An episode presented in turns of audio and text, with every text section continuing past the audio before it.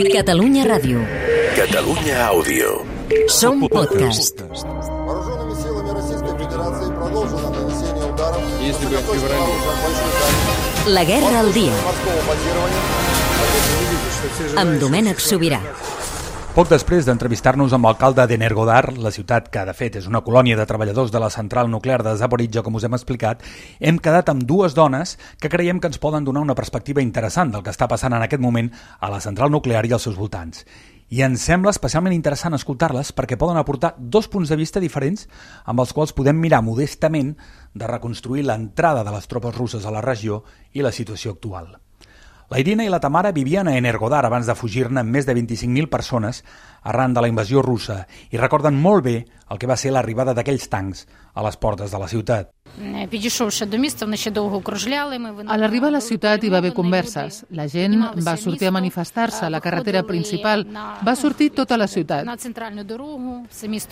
Vam parlar amb els soldats i els vam exposar que no volíem que entressin.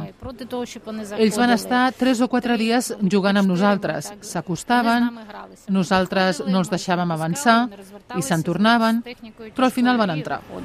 Contrasta el que ens explica l'Irina amb l'entorn que ens envolta, asseguts en un centre comercial de Zaporizhia, que podria ser a qualsevol altra ciutat. Tot semblaria normal si no estéssim sentint l'horror del que ens expliquen. Ну, зараз там тяжко. Ara allà Вже és molt dur. дуже- дуже мало A la людей там ciutat s'hi ha quedat poca gent, potser només un 30%. Ну, чим далі, I com тим més dura és тяжче. aquesta situació, Структури, més complicada es fa. руйнують все. Ho estan destruint tot. На сьогодні не дають Fa dies que no можливості deixen arribar electricitat al poble i ve l'hivern, ve el fred, i crec que la ciutat no tindrà calefacció. I passa el mateix amb la llum.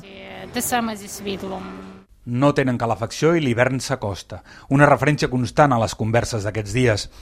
La Tamara seu al costat, assentint amb el cap a tot el que diu la seva amiga. Per a elles res deu ser normal, de fet, perquè cada dia tenen notícies dels seus amics i familiars a la ciutat.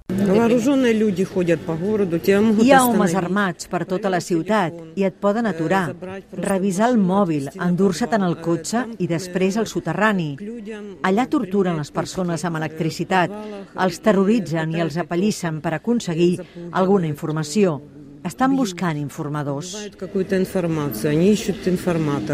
Els soterranis de què parla també els hem vist esmentats a altres cròniques periodístiques i ens recorden el centre de detenció que ens van ensenyar a Gerson. Qui sap si aquests soterranis seran algun dia investigats també per crims de guerra. O potser també aquí a Energodar algú en un futur denunciarà que durant l'ocupació hi havia col·laboracionistes. Aleshores, per entendre-ho tot, potser caldrà recórrer al que explica ara l'Irina. L'ànim està deprimit, molt deprimit. La gent té por. Estan fent detencions. El meu pare ja el van visitar i també el meu sogre, perquè ens estan buscant. Hi ha gent que està desesperada i comencen a col·laborar amb l'ocupant. Abans ja hi havia algun cas, però ara passen més informació. Totes dues van fugir d'Energodar amb la família. Els seus fills, l'Irina, els va enviar a Polònia, però de seguida van voler tornar. Ara viuen més a l'occident del país, és més segur, des d'on segueixen el curs escolar online amb la mateixa escola i els mateixos companys d'Energodar. L'altra perspectiva interessant del que ens expliquen és que l'Irina era membre del cos de seguretat de la central nuclear. La Tamara era el Departament d'Economia responsable de l'abastiment de la central.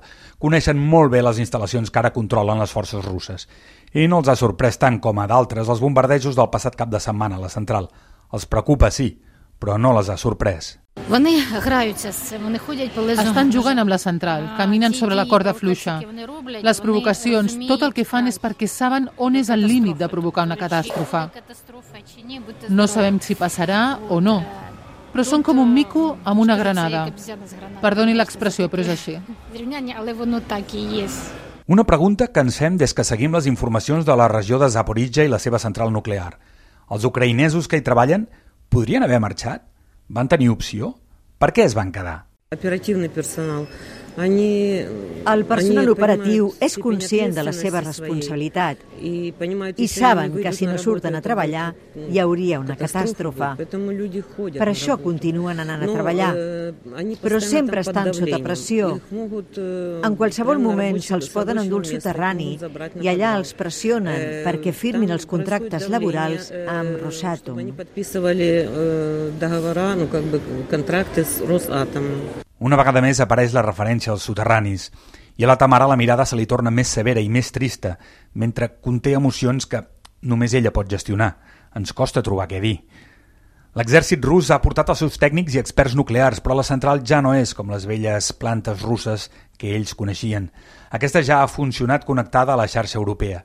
Només els tècnics ucraïnesos la poden mantenir en marxa, perquè ja no genera electricitat, de fet, però els seus sistemes de refrigeració han de seguir operatius per evitar una catàstrofe. Per això, els treballadors ucraïnesos de la planta no marxen.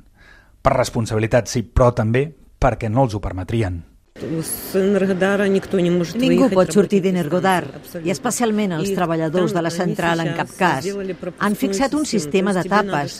Per sortir de la ciutat necessites una autorització, però aquests passis no es donen pels treballadors de la central. Ells no poden sortir. En realitat, l'Irina i la Tamara ja no parlen de casa seva. Ja no parlen del lloc on han treballat tants anys, ara estan parlant d'una presó. Una presó on hi tenen molts amics que no han fet res per mereixer això. La Guerra al Dia és un podcast des d'Ucraïna dels enviats especials Domènec Sobirà i José Antonio Muñoz.